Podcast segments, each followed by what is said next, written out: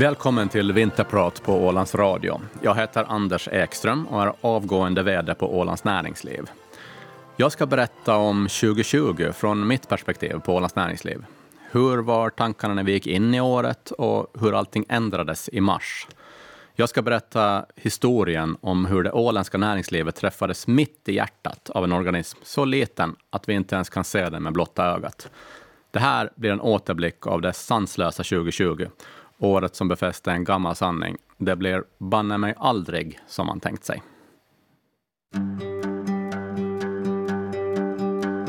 Hey brother, there's an endless road to rediscover. Den här berättelsen börjar med nyårsveckan 2020.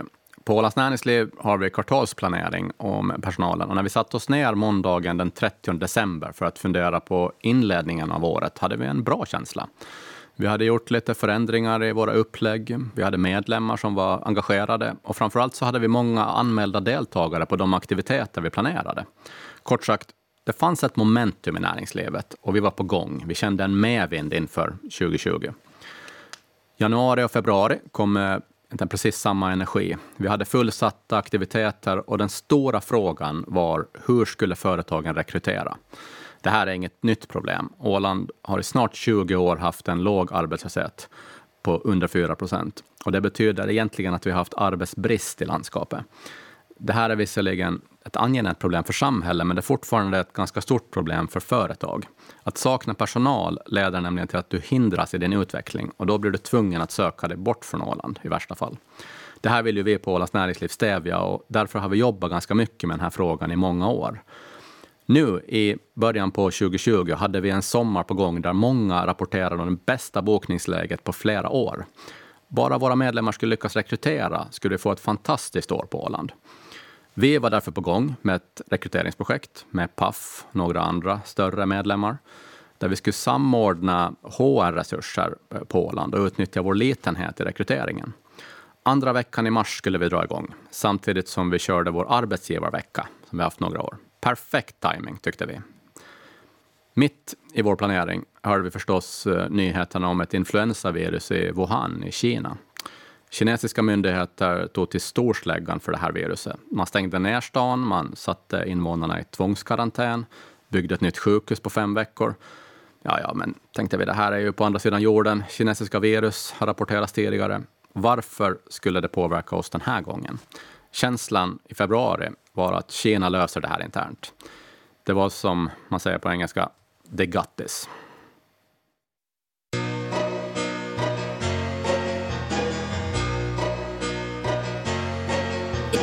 Theme she had on a scheme he had told in a foreign land to take life on earth to the second birth and the man was in command. Välkommen till Vinterprat i Ålands Radio med Anders Ekström, VD på Ålands Näringsliv. Jag berättar om 2020 från mitt perspektiv. Mars började med samma positiva momentum som vi haft tidigare under året. Eh, vecka 10 arrangerade vi vår traditionella arbetsgivarvecka och det här året hade vi närmare 100 deltagare på de olika aktiviteterna. Arbetsgivarveckan är en vecka när vi samlar kurser, föreläsare och seminarier helt inriktat på arbetsgivare. Vi visste inte då, men i efterhand så har vi konstaterat att vi var kusligt träffsäkra med både ett, vi hade ett lunchtillfälle om distansarbete och en workshop om krissituationer i företaget. Den här veckan hade vi bara ett problem. Vi hade en, planerat en frukostträff på fredag morgonen med Paff och Dan Sundqvist från En säker hamn om ett rekryteringsprojekt. Några dagar före blev en av deltagarna sjuka så att vi fick boka om det. Preliminärt skulle vi köra frukostträffen fredagen efter. Ehm, det här var inget liksom, vi oroas för egentligen. Boka om är normalt för oss. Det var bara det att veckan efter började krisen. Vi visste det inte då på måndagen vecka 11, men det var faktiskt då som det startade. Hela veckan började som vanligt. Utvärderingarna från arbetsgivarveckan var mycket positiva och vi diskuterade 2021 års arbetsgivarvecka. På onsdagen ringde finansminister Tobben Eliasson och ville ha ett möte med de större företagen på Åland. Han sa att eh, jag tror vi behöver diskutera det här coronaviruset. Ärligt talat såg jag inte själv det behovet. Vi hade precis haft ganska intensiva veckor och jag behövde tid för att rensa skrivbordet. Jag behövde inte ha flera möten den här veckan. Men eh, Tobben stod på sig och under samtalets gång så ändrade jag mig. Okej, okay, så du har en poäng. Eh, vi, vi samlar ihop några stycken och diskuterar. Så jag började ringa runt där på onsdagen. Dagen efter, torsdagen den 12 mars klockan åtta på morgonen träffades vi. Det var några av Ålands större företag i olika branscher, det var branschorganisationer och det var Ålands landskapsregering. Vi hade ett öppet möte och syftet var att ge en bild av hur respektive organisation såg på corona. Och den här bilden varierade lite. Eh, alla hade diskuterat frågan på ledningsnivå. Det fanns en beredskap i alla företag. Men det var egentligen bara industrin som då hade vidtagit några konkreta åtgärder Ehm, och infört olika rutiner. Stämningen på mötet var väldigt lugn och även när vi kom ut från mötet. Det, visst fanns det lite avbokningar, det var lite kunder som hade hört av sig, lite förfrågningar, men i stort sett var det status quo. Samma dag, på eftermiddagen, meddelade finska regeringen att de inför reserestriktioner. Oj, tänkte jag, det här kan kanske inte vara så bra, men samtidigt tänkte jag att det här måste ju vara en tillfällig åtgärd. Det var det förstås inte. Dagen efter varslade rederierna i princip hela finska personalen. Oj, tänkte jag. Det här var riktigt illa. Jag har en ekonomisk bakgrund och jag förstod direkt att den här historien hade tagit en mycket tvär vändning. Det här var inte bra. Det var snudd på katastrof. Jag hade från två dagar gått från en nästan arrogant inställning till en insikt om att det här kommer att slå väldigt, väldigt hårt mot Åland. Det här var fredagen den 13 mars och himlen hade precis rasat ner över Åland.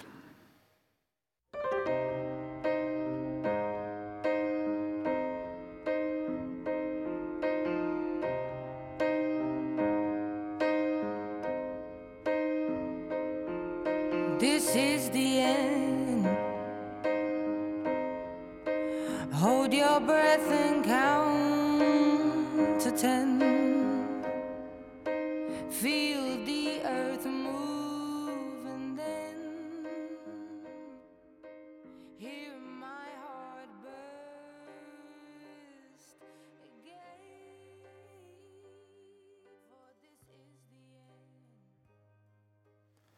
Fredagen den 13 mars gjorde skäl för namnet.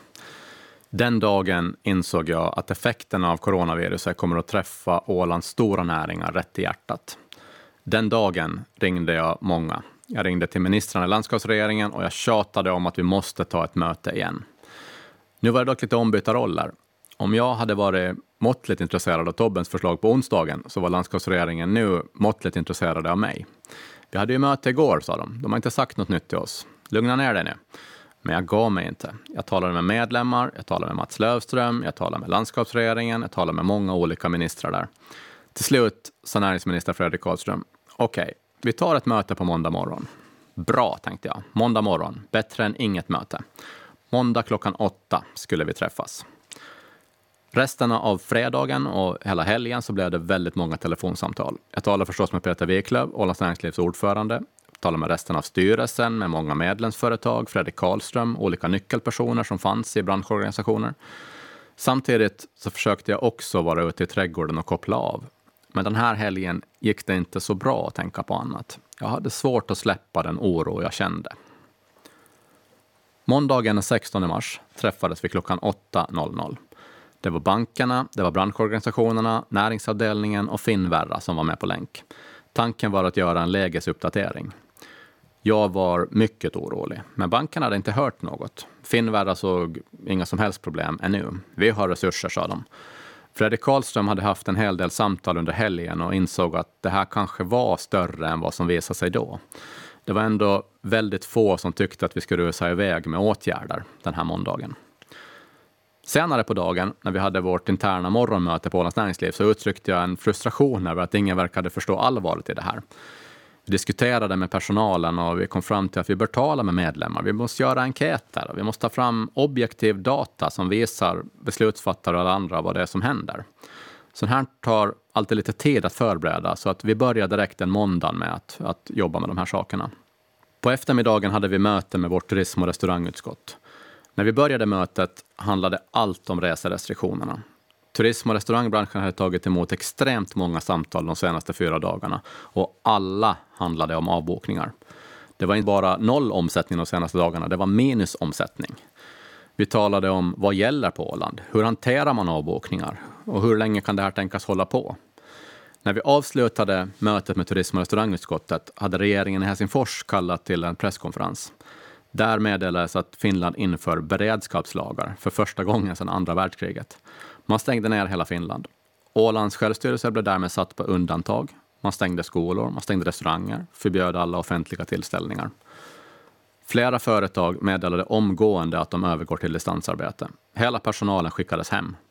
Permitteringarna haglade i vissa branscher. Vi fick mycket frågor från medlemmarna. Hur gör man i den här situationen? Det här var helt nytt för Åland. Det var nytt för oss också på Ålands näringsliv. Den här kvällen blev väldigt lång. Vi hade hamnat i en perfekt storm där många av de näringar som driver Åland plötsligt hade gått från ett allvarligt läge till i princip ett verksamhetsförbud. Från mörka utsikter till en helt nattsvart tillvaro. Ett företag som har noll försäljning har ingen framtid. Nu var våra största näringar i den situationen. Min största fundering var hur Ålands näringsliv skulle kunna hjälpa till i den här situationen. När Åland faller, hur kan vi lindra fallet? Vi hade aldrig varit i en lika utmanande situation. Våra medlemmar hade aldrig varit i en liknande situation. Det var dags att börja tänka om.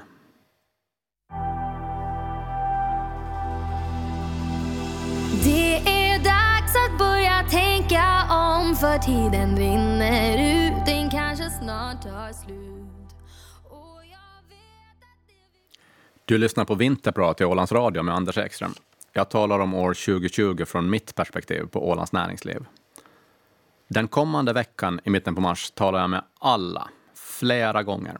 Jag talar med företag, jag talar med ministrar, jag talar flera gånger med vår riksdagsledamot Mats Löfström. Hur undviker vi permitteringar, frågade flera.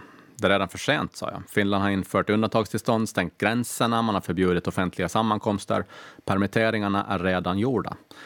Men jag skickade i alla fall en lista på åtgärder som jag trodde skulle kunna hjälpa företag att överleva. Lönestöd, reducerade skatter och andra villkor som skulle kunna rädda företag från likviditetskonkurs. Jag lyfte till och med konkurslagarna och de aktuella arbetsmarknadsregelverken, hur man kunde underlätta där. De här åtgärderna var dock oerhört kostsamma. Jag räknade att för Åland så skulle det här kosta ungefär 50 miljoner euro per månad och för finska staten skulle det här kosta ungefär 10 miljarder euro i månaden. Det här är enorma summor. Alltså det motsvarar ungefär 25 procent av hela årets budgetmedel. Och det här var per månad. Det går inte, sa alla. Självklart insåg jag också det. Vårt samhälle bygger på att företagen bedriver bra verksamhet som ger resultat. Det kan sedan beskattas till en del. Skatteintäkterna fördelas sedan av offentlig sektor. Det är alltså företagen som finansierar vår välfärd. Det, det är det systemet som vi har. Det går inte att svänga på det. Staten kan aldrig hålla näringslivet flytande med stöd på lång sikt. Vi har provat sådana här system i historien, men de har aldrig fungerat. Med de här direkta åtgärderna borta från kartan så måste vi alltså börja fundera på alternativ. Mm. Jag är en rätt konstruktiv person som jobbar ganska bra under press. Åland ska jag säga, hade tur vid den här tiden att Fredrik Karlström är en ovanligt kreativ näringsminister och har dessutom en näringschef i Linnea Johansson som kan hitta möjliga vägar framåt. Med Fredriks nytillsatta aktionsgrupp var vi helt eniga om att nyckeln för Åland att komma ur den här situationen var att göra det här tillsammans. Genom att samla Åland kunde vi hitta vägen framåt. Jag tycker om lagspel. Nu gäller det att komma framåt trots mörka moln på himlen. Det såg verkligen nattsvart ut, men jag vet att det finns alltid ljus i tunneln. Jag har hört det många gånger förut. Oberoende hur mycket det stormar, oberoende hur mörkt det är, när man fortsätter gå framåt kommer man precis hur långt som helst. Och på vägen går man aldrig ensam.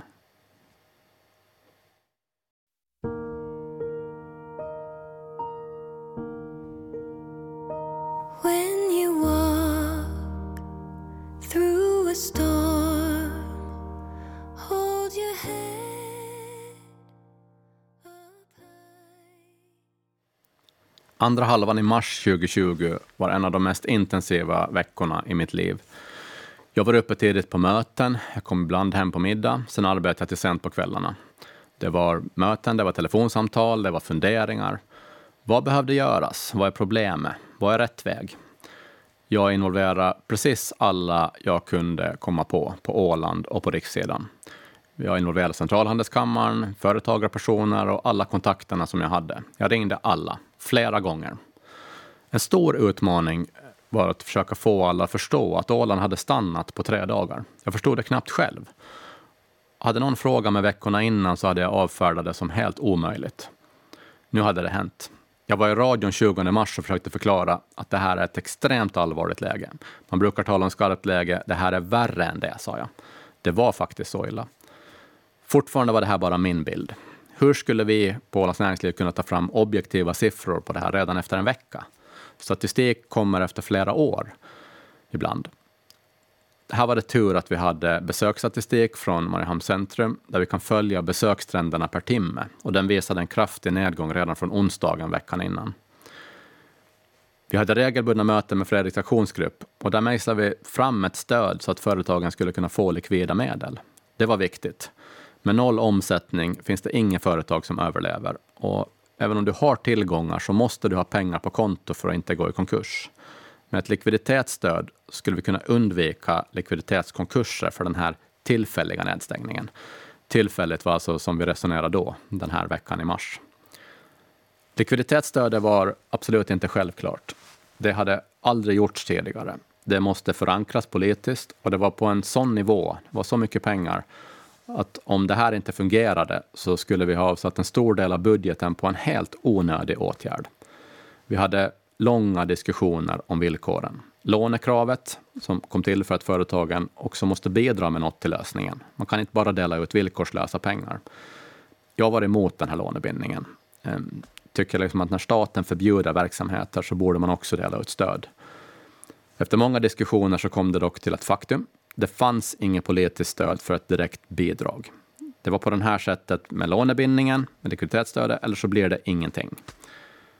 Jag är en konstruktiv person och jag förstår att ibland måste man kompromissa. Så var det nu. Det här var inte perfekt, men det var ett stöd som behövdes. Okej, okay, sa jag. Vi kör på det här. Jag kollade förstås med min styrelse på Ålands Näringsliv och där tyckte alla som jag.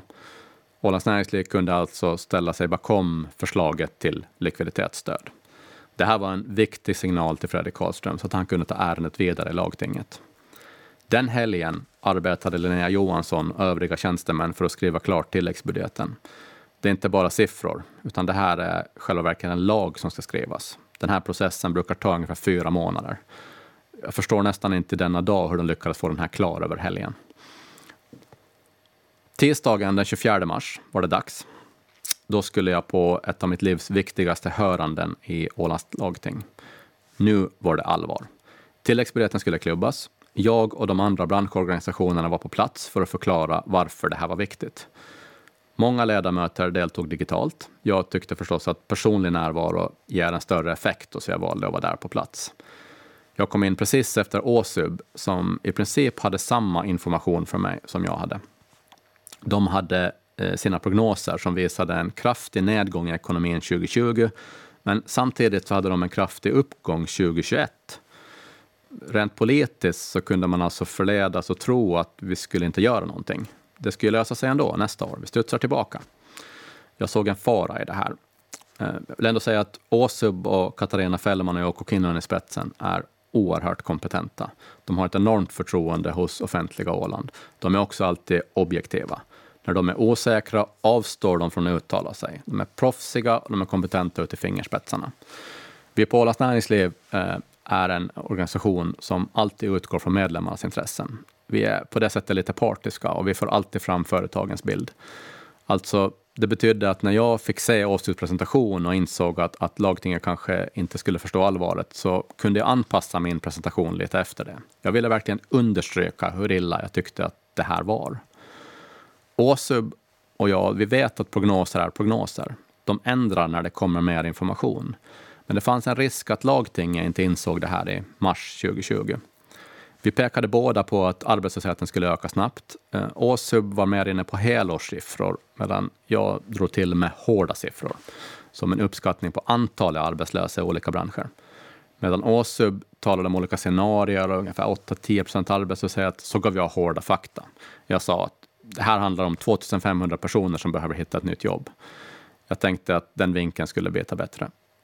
Jag kopplade också på statistik från besöksräknarna som visade 50 procent mindre besöksantal i centrum på en vecka.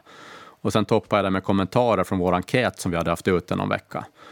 Jag, jag gav alltså en extremt dyster bild åt lagtinget. Jag kan inte säga att det här var min förtjänst, men de olika höranden gav effekt. Ålands största tilläggsbudget i historien klubbades av lagtinget. Det var första gången på två veckor som jag verkligen kände att jag hade åstadkommit någonting. Lagtinget hade insett allvaret. Yes! Men det var nu som arbetet skulle börja på riktigt.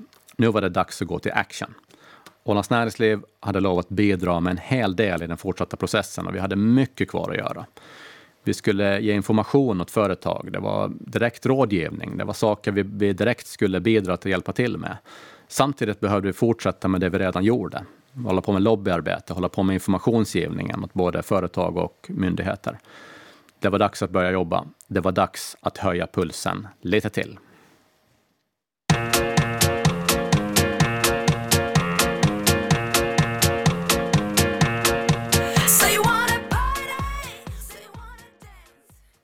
Du lyssnar på Vinterprat i Ålands Radio med Anders Ekström. Jag talar om 2020 från mitt perspektiv på Ålands näringsliv. Efter lagtingets beslut om tilläggsbudgeten var det dags att börja jobba. Likviditetsstödet skulle ut och Ålands näringsliv hade tagit på sig rollen att informera åländska företag. Vi insåg att dagen när allt öppnade skulle vi behöva hantera många samtal på en gång. Vi har ändå 2600 aktiva företag på Åland. Därför skapade vi en sambandscentral med hjälp av Visit Åland. Dan Westerholm, Susanne Olofsson, Therese Ling, Henrik Hellström som arbetade i vårt ERUF-projekt och Utveckla framtidens företag fick förstärkning med Peter Ekholm och Björn Wenström från Visit Åland. De stod beredda att svara på frågor. Vi aktiverade sociala medier och alla kanaler vi kunde tänka oss. Måndagsförmiddagen var intensiv. Den ramlade in telefonsamtal, mejl och förfrågningar om rådgivning. Och det var ganska svåra frågor. Vad gällde? Måste man ta lån? När får man pengarna? Många företagare hade aldrig tidigare haft stöd och de var mycket ovana med den här typen av regelverk. Man brukar prata om branta inlärningskurvor. Det här var som att bestiga en bergsvägg. Mycket skulle läras ut på några dagar och det var frågor som handlade om företagens fortsatta existens. Det här var på allvar. Men sambandscentralen kunde hantera det här. Alla fick svar den dagen. Efter några dagar kunde vi till och med reducera eh, den här sambandscentralen. Behovet fanns inte längre och vi kunde börja prioritera annat istället. Under den här tiden hade jag stor nytta av min ekonomiska bakgrund. Jag förstod snabbt hur samhället skulle påverkas och kunde direkt föra fram det i olika sammanhang. Jag fick också lära mig mycket. Alla samtal som jag hade med våra medlemmar gjorde att jag fick en djup inblick i affärsmodeller och vilka faktorer som på riktigt påverkar företagens vardag. Ålands Näringsliv gjorde verkligen skäl för namnet den här våren. Jag är förstås lite partisk, men jag tycker att vi som organisation visade att vi verkligen behövdes under våren 2020. Ålands Näringsliv har alltid varit väldigt stolta över åländska företag och sällan tidigare har vi haft en viktigare roll för vår hembygd.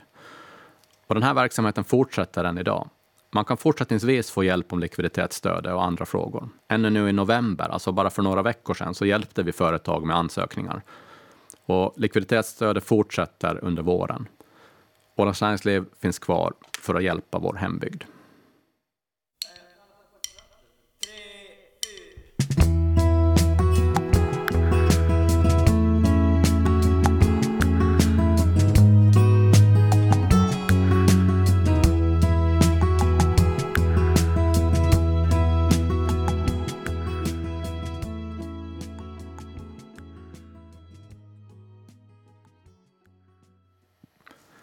Att vara ålänning betyder att man engagerar sig i olika saker i hembygden.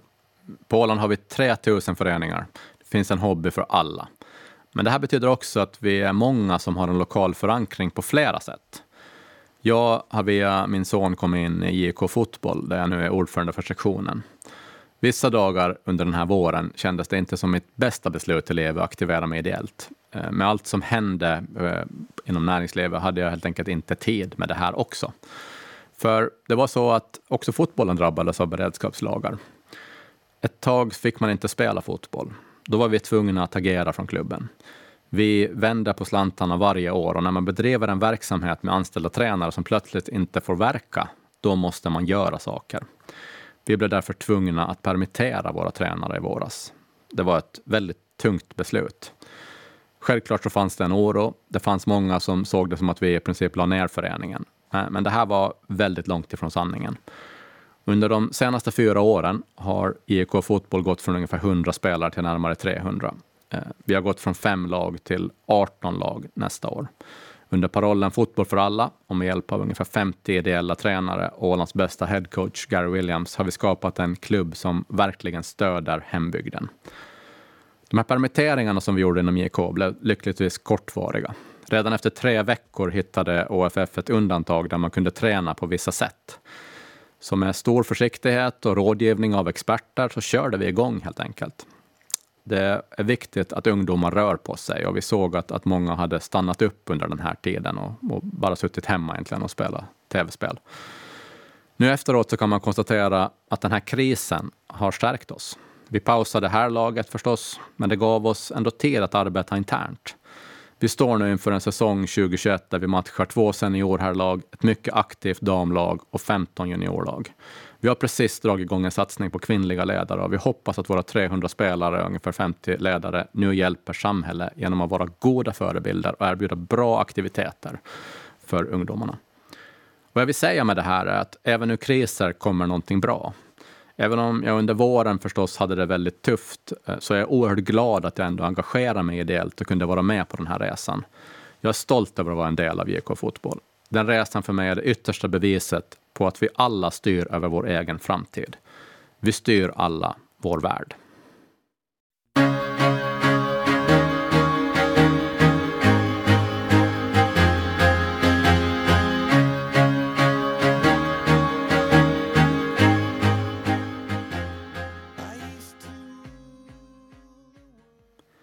Du lyssnar på Vinterprat i Ålands Radio med Anders Ekström. Jag talar om 2020 från mitt perspektiv på Ålands näringsliv. Ålands näringslivs stora utmaning under våren var nyheterna. Det kom mycket nyheter. Allt ändrade, allt rörde på sig. Det var svårt att informera rätt, eller rättare sagt, det var faktiskt omöjligt att informera rätt. Det gick inte. Skulle man berätta vad ministern sa på presskonferensen i Helsingfors? Eller skulle vi berätta om förslaget som riksdagen ska besluta om nästa vecka? Eller ska vi berätta om vad som gäller idag? Vi började tidsmärka våra nyheter på hemsidan med klockslag. Det här var enda sättet för oss att på något sätt veta vad som gällde. Dessutom med alla regler som ändrades i efterhand. De, de, reglerna påverkade andra regler. Myndigheterna hade inte alltid synkat sina regelverk. För oss på Ålands Näringsliv handlade april-maj om att både informera för medlemmar om vilka regler som gäller och att informera myndigheter om hur reglerna slår mot företagen. Och vi fick många frågor förstås i den här situationen. Permitteringsregler. Hur får man säga upp personal? Uppsägningstider. Det här ändrades under våren och man införde tillfälliga regler som skilde sig från det tidigare. Arbetsgivarna visste inte riktigt vad som gällde. Det var i verksamheter. Får man ha öppet? På vilka premisser får man ha öppet? Det kom reserestriktioner. Hur är det med personalresor? Ut och in. Behöver de sitta i karantän? Arbetsresor. Vem ska betala lön om någon är i karantän? Det beror på. Är det arbetsresa eller frivillig resa? Det kom mycket frågor om stödregler. Vilka stöd finns det? Vilka stöd krockar? Här kom det till väldigt många stödregler som var till exempel om du är arbetslös så påverkar det andra förmåner som du kan ha som företagare. Och de här otydliga regelverken är ett av de värsta sakerna som kan hända ett företag. Det går inte att verka när förutsättningarna ändrar hela tiden. Och det förvärrades den situationen av att det kom nya tolkningar från alla håll hela tiden. Och företagen frågade oss, vad är det som gäller? Ta till exempel när restaurangerna fick tillstånd att öppna måndagen den 1 juni. Vi satt med branschen på fredagen veckan innan och skulle ge rekommendationer om regelverken. Det var bara att det gick inte. För samma eftermiddag skulle riksdagen debattera lagen. Det här var alltså fredag eftermiddag, restaurangerna skulle öppna på måndagen och det fanns inga regelverk för hur det skulle ske. På måndagen var alla restauranger tvungna att följa rekommendationerna, som det så vackert hette. Men vad var det? Det fanns en lång, bland motstridig rekommendation på regeringens hemsida. Det stod att man fick ha halva gästantalet mot serveringstillståndet, men man måste samtidigt hålla två meters avstånd. Okej, okay. gäller det här alltså då alla gäster? Eller gäller det sittande grupper? Eller är det mellan sällskap? Det visste ingen. Ingen kunde säga. Är det här en lag eller är det bara en rekommendation? Det kom lite olika bud från myndigheterna. Ingen visste säkert. Ingen kunde säga. Visit Åland och Ålands Näringsliv, vi samlade oss och Visit Åland gjorde en snygg affisch i olika storlekar som man kunde sätta upp i verksamheten. Den visade några enkla punkter hur man skulle agera. Det här var alltså taget ur myndighetens information, men vi hade tuggat det på lite kanske mer lättförståeligt sätt. Det här fick vi göra alltså i branschen då, men jag vill säga att här hade vi stor hjälp av landskapsläkaren och goda diskussioner med, med honom så fick vi fram den här affischen. Jag kan idag vara faktiskt lite kritisk till att framförallt finska myndigheter gömde sig bakom den motstridiga flosken följ rekommendationerna. Det var förstås skönt för dem att göra det, för då hade de ryggen fri, men problemet var att det inte riktigt räckte till för oss i näringslivet. Verksamheter behöver tydliga svar. Tiden gick och, och ingenting hände. Jag har full förståelse för att det var en utmaning att få fram rätt information i våras. Problemet är bara det att företagen kan inte vänta. De riskerar nedstängning om de inte får öppna och ha en omsättning som kommer in. Framförallt riksmyndigheter så undvek informationsansvaret den här våren. Eh, hur ska verksamheterna kunna veta vad som görs om myndigheterna inte kan berätta det? Verksamheten riskerar ju nedstängning som sagt om de inte följer reglerna, så det är helt viktig information som behöver komma ut. Och jag förstår som sagt dilemmat med att alla regler rörde på sig och det var jättesvårt att säga det, men samtidigt skapar det här en väldigt allvarlig situation. För information kan egentligen bara komma från myndigheter. De måste vara tydliga. Och här måste jag tyvärr säga att det var många som inte fanns där i våras. De svarade inte. Men när vi och företagen väntade på svar tickade kostnaderna. Tiden gick, ingen kunde säga vad som gällde. Man kan helt enkelt säga att myndigheterna lade på.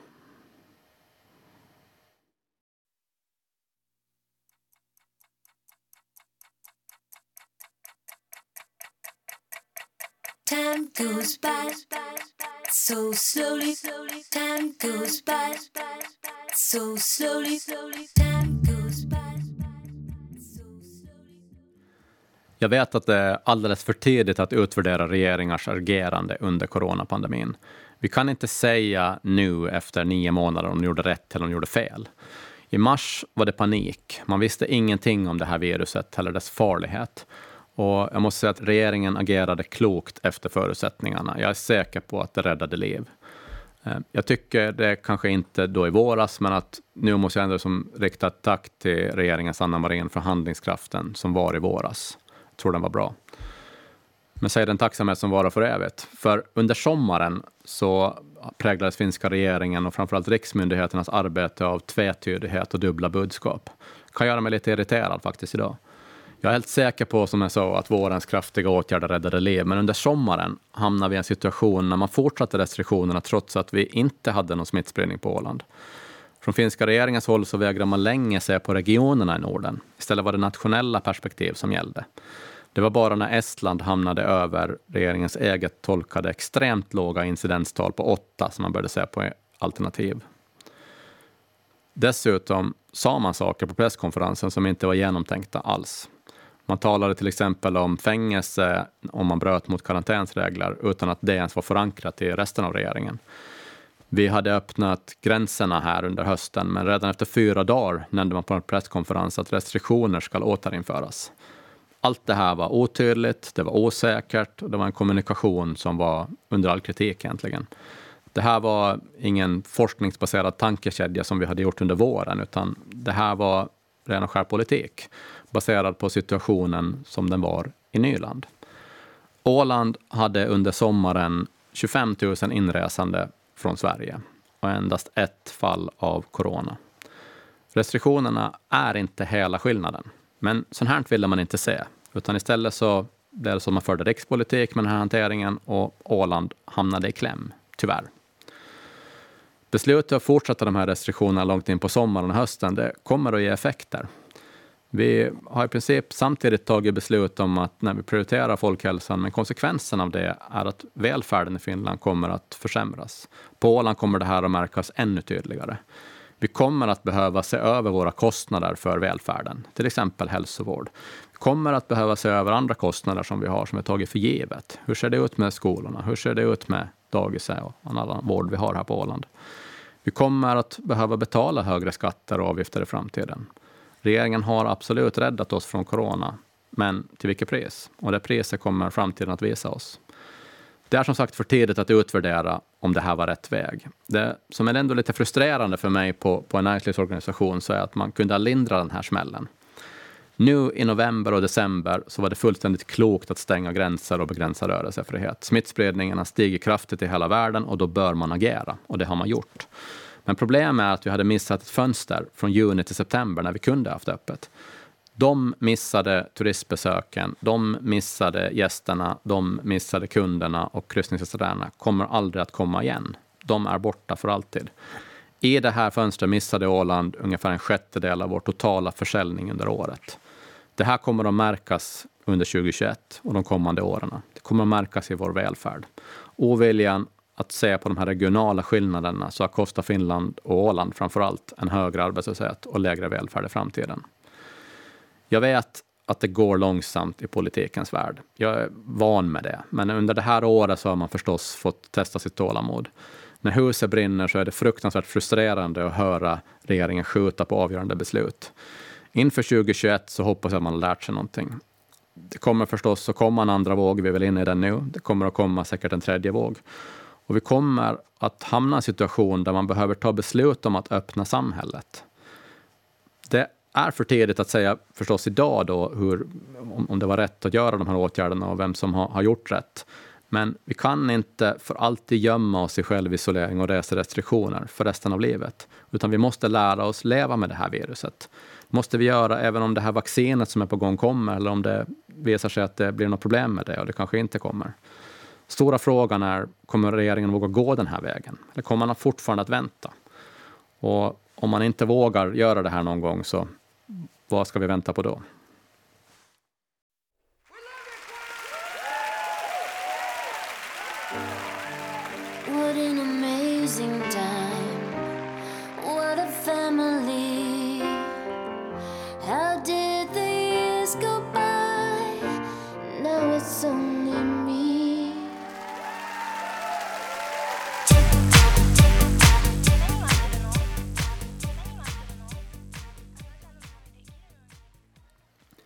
Du lyssnar på Vinterprat i Ålands Radio med Anders Ekström.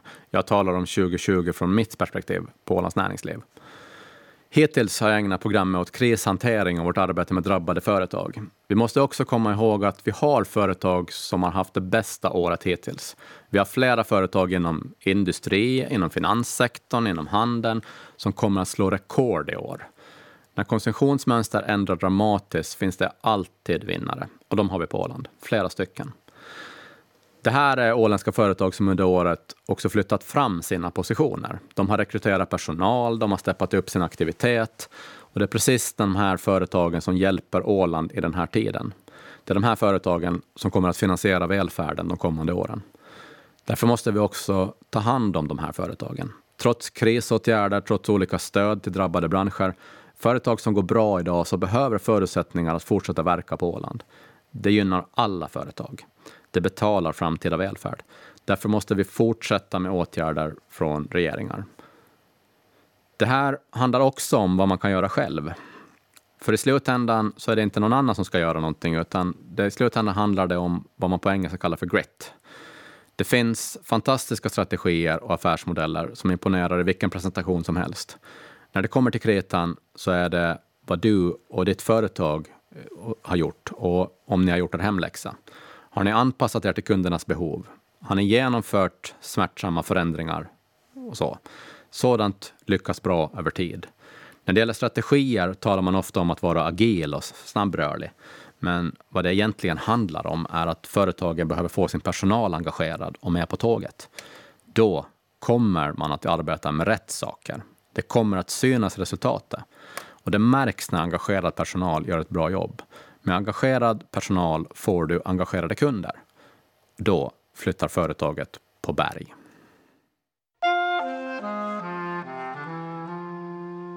Some people say a man is made out of mud A born man's made out of muscle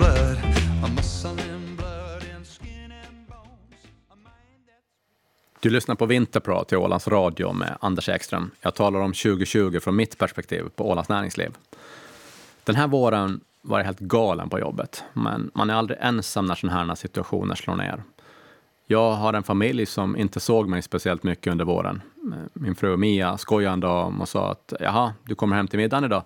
Det är lugnt, svarade jag. Jag åker snart iväg igen. Och det gjorde jag, för jag skulle på ett kvällsmöte någonstans. Mia fick ta ett väldigt stort lass när våra tre barn skulle hemundervisas under våren. Lärarna gjorde förstås vad de kunde, men det krävs ändå viss struktur för att speciellt yngre barn ska följa en skoldag. Det gjorde Mia, kvinnan i mitt liv. Den här våren hade inte gått utan henne.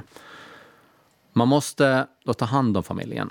Det här året har pressat oss och när jag fick möjligheten att ta ett nytt uppdrag under hösten kände jag att tiden var mogen att byta bana. Tankarna hade redan snurrat vid årsskiftet, men i höstas bestämde jag mig för att gå vidare efter sju intressanta och lärorika år på Ålands näringsliv. Jag har träffat många intressanta människor. Jag har haft fantastiska samarbeten och jag hoppas att jag har bidragit till att skapa bättre förutsättningar under min tid här. Nu är det dags för en ny röst på Ålands näringsliv. Jenke Rask och personalen kommer att fortsätta det arbetet på ett fantastiskt sätt.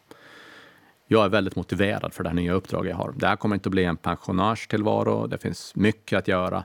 Men det kommer att bli mer tid för min familj och det behöver vi. Det här bytet är ett bevis på att jag lever som jag lär.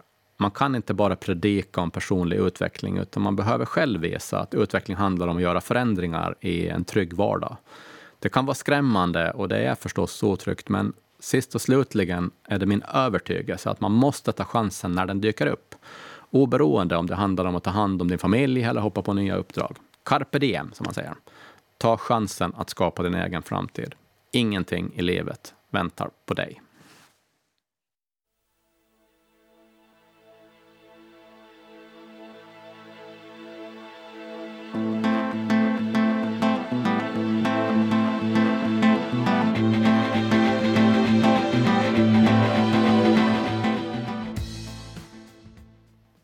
Företag kan heller inte vänta. De måste ständigt röra sig i takt med kunderna. Inför den här sommaren såg jag vissa tendenser att många företagare blev passiva. Det var egentligen inte så konstigt, eh, för när du har regelverk som ändrar varje vecka så är det i princip omöjligt att göra rätt. Och det hände väldigt ofta att företagare fick slänga hela sin planering i papperskorgen för att det var någonting som ändrade. Sånt här tar bort motivationen och drivet hos den bästa av människor. För en entreprenör är det här dock livsfarligt. Därför skrev jag en gästledare i somras där jag uppmanade alla att bli ambassadörer. Och det vill jag säga, det blev ni. Stort tack till turistföretagare, tack till butiksanställda, tack till hotellpersonal, tack till servitörer och alla andra som gett enastående kundbemötande den här sommaren. Ni har fått mycket beröm i undersökningarna. Återkopplingen från nöjda turister har skapat en bra bild av Åland inför nästa sommar. Ett stort tack till er. På Ålands Näringsliv gjorde vi mer än att skriva texter. Vi tog på oss sommarpraktikantprojektet där vi matchade 400 sommarjobb på tre veckor. Det kom förstås viss kritik mot det här. Speciellt hade vi en ganska intensiv telefondag när vi skickade ut 400 bekräftelser och 300 mejl till de som tyvärr inte fått plats. Och absolut, vi kunde haft bättre informationsgivning. Det här projektet gick väldigt snabbt. Vi gjorde flera processer parallellt istället för efter varandra, som man kanske borde ha gjort. Men det här har dock att göra med att vi hade en extremt pressad tidsplan. Måndagen den 18 maj hade vi första mötet. Måndagen efter öppnade anmälan. Fyra veckor senare hade vi matchat 400 platser. Enkätsvaren efteråt från praktikanter och arbetsgivare har dock varit översvallande positiva. Många har fått extrajobb, många har fått mycket bra erfarenhet och referens för framtida jobb. Och bäst av allt, vi har hjälpt till till att skapa 400 jobb som annars inte skulle ha funnits i sommar. Tack Dan Andersson som höll i projektet. Tack Fredrik Karlström och Linnea Johansson som hjälpte till och finansierade alltihopa. Tack ACT med Nancy Scott i spetsen. Det här gjorde ni bra. Min erfarenhet av våren är att det ständigt gäller att röra på sig framåt. Det här gäller för Ålands näringsliv, det gäller för entreprenörer, men det gäller egentligen för alla ålänningar. Rör dig framåt på vägen. Men utvecklingen är ingen rak väg. Det gäller att hålla sig uppdaterad på kundernas behov. Det gäller att vara beredd att göra förändringar. Men fortsätt röra dig framåt. Och börja alltid sakta. Öka farten allt eftersom. Krypa, gå och springa brukar man prata om. Och jag lovar dig, om du fortsätter din strävan av att bli bättre så kommer du till slut att springa snabbast av alla.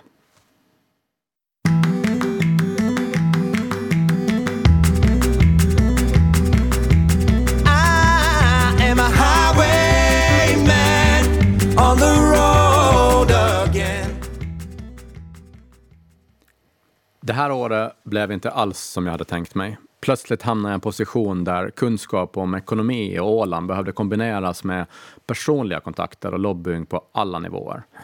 Men jag gjorde inte det här själv. Det finns många att tacka.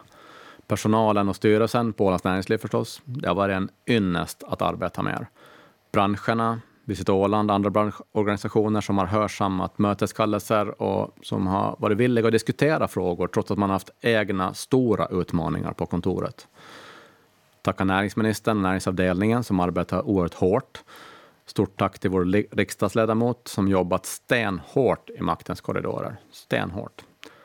Jag vill också rikta ett tack till Agile Islands-gänget som under fem års tid har förberett mig på hur man hanterar förändringar.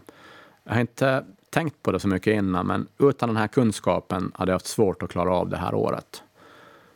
Sist men inte minst, jag vill tacka min familj. Kvinnan i mitt liv som styrde upp tillvaron och såg till att den här våren blev möjlig. Tack till mina barn som klarar av skolan med bravur. Stort tack till alla er. Med er i båten är allt möjligt. Ni är guld värda. Det kommer en tid när vi kan se tillbaka på det här. Tills dess, kom ihåg alla de där flosklerna vi har hört genom åren. Efter regn kommer sol, vi hissar seger i motvind och allt det där. Vi på Åland, vi behöver gå mot framtiden. Vi vet inte vart den här vägen bär, men vi ålänningar har alltid rört oss framåt. Vi har ett driv att göra saker. Ta vara på det nu, det behövs. Det kommer nya regelverk, det kommer nya krav från kunderna, men så har det alltid gjort. Gör som vi ålänningar brukar, sitt mindre, gör mer. Agera nu, parera i framtiden. Framför allt, kämpa på och fortsätt att röra dig framåt. Det är december 2020. Du har lyssnat på ett vinterprat i Ålands Radio med Anders Ekström, avgående vd på Ålands Näringsliv. Jag har gett mitt perspektiv på det här året. Ett år där ingenting blev som jag tänkt mig. Tack för att du lyssnade.